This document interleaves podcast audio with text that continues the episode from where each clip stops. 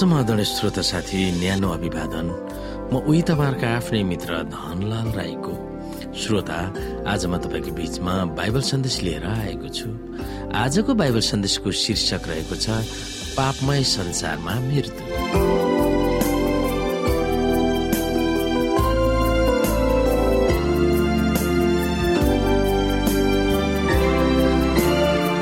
श्रोत साथी यो पापमय संसारमा मृत्यु भन्ने बाइबल सन्देशमा हामीले विशेष गरिकन अध्ययन गर्नुपर्ने बाइबलीय पदहरू रहेको छ उत्पत्ति दुई अध्यायको सोह्र र सत्र उत्पत्ति तीन अध्यायको एकदेखि सात भजन संग्रह एक सौ पन्ध्र अध्यायको सत्र पद यहुन्ना पाँच अध्यायको अठाइस र उन्तिस पद रोमी पाँच अध्यायको बाह्र र दुई कोरन्थी पाँच अध्यायको एक्काइस पद। र यस पापमय संसारमा मृत्यु भन्ने बाइबल सन्देशमा हामीले सम्झनु पर्ने पद अथवा मेमोरी गर्नुपर्ने बाइबल भर्स रहेको छ रोमी पाँच अध्यायको बाह्रदेखि चौध। यहाँ लेखिएको छ एकजना मानिसद्वारा संसारमा पाप आयो र पापबाट मृत्यु यसरी सबै मानिसले पाप गरेका हुनाले सबै मानिसमा मृत्यु फैलियो।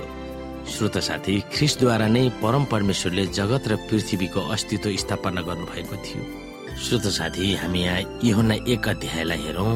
आदिमा वचन हुनुहुन्थ्यो। वचन परमेश्वरसँग हुनुहुन्थ्यो अनि वचन परमेश्वर हुनुहुन्थ्यो। उहाँ आदिमा परमेश्वरसँग हुनुहुन्थ्यो। सबै थोक उहाँद्वारा नै बनिए र बनिएको कुनै पनि थोक उहाँ बिना बनिएन। यसै गरी हामी दसलाई पनि हेरौँ। उहाँ संसारमा हुनुहुन्थ्यो। संसार उहाँद्वारा बनियो तापनि संसारले उहाँलाई चिनेन। श्रोता जब परमप्रभु पिताले ख्रिसलाई विशेष सम्मान गर्नु भएर उहाँसँग सहमति गरेर दुवै मिली यस पृथ्वी सृष्टि गर्ने घोषणा गर्नुभएको थियो तब त्यस बेला लुसिफरले ख्रिसको डाहा इसिया रिस गरेको थियो। त्यसै समयदेखि उहाँको विरुद्धमा उसले षड्यन्त्र गर्न थालेको थियो। स्वर्गबाट फ्याँकिएपछि सैतानले आदम र हब्बाको सुख र अमन चयनलाई नाश गर्न निर्णय गर्यो। यस पृथ्वीबाट तिनीहरूलाई सखा पारेर स्वर्गमा अफसोस र पीडा उसले निम्त्याउन चाहेको थियो। यसले यो कल्पना गर्यो कि यदि उसले कुनै छल गरेर आदम र हवालाई फसाउन सफल भयो भने परमप्रभुले यस्तो कुनै प्रावधान बनाउनु हुनेछ। जसबाट तिनीहरूलाई क्षमा दिनुहुनेछ। तिनीहरूसँगै आफू र पतित स्वर्गदूतहरू क्षमा पाएर परमप्रभुको दयामा सरिक हुन सकोस्। शैतानको रणनीति प्रति सजग हुनु भएर परमप्रभुले आदम र हवालाई परलोभनमा नफस्न वा सुरक्षित हुन उहाँले तिनीहरूलाई चेतावनी दिनुभएको थियो। हामीले उत्पत्ति दुई अध्यायको सोह्र र सत्रलाई हेर्न सक्छौँ। यहाँ सोह्रमा भनेको छ अनि उहाँले मानिसलाई यो आज्ञा दिनुभयो बगैँचाको सबै रुखका फल तैले सङ्कोच नमानी खाए हुन्छ तर असल र खराबको ज्ञान दिने रुखको फल चाहिँ नखानु किनभने जुन दिन तैले त्यो खान्छस् त निश्चय नै मर्नेछस्। त्यसको अर्थ यस पृथ्वी सिद्ध र खोटरहित भए तापनि मानव जातिलाई स्पष्ट रूपमा केही सीमा बन्धन तोकिएको थियो जसबाट परमप्रभुको आज्ञालाई सिरोपर गर्न सकोस् भनेर। श्रोत साथी हामी यहाँनिर कलसी एक अध्यायको स्वर पदलाई हेरौँ। किनकि उहाँमा नै सबै थोक सृष्टि भएका थिए। स्वर्गमा र पृथ्वीमाथि भएका दृश्य र अदृश्य थोकहरू उहाँ चाहे सिंहासनहरू चाहे प्रभुत्वहरू चाहे प्रधानताहरू चाहे अधिकारहरू सबै थोक उहाँद्वारा नै र उहाँकै निम्ति सिर्जिएका थिए।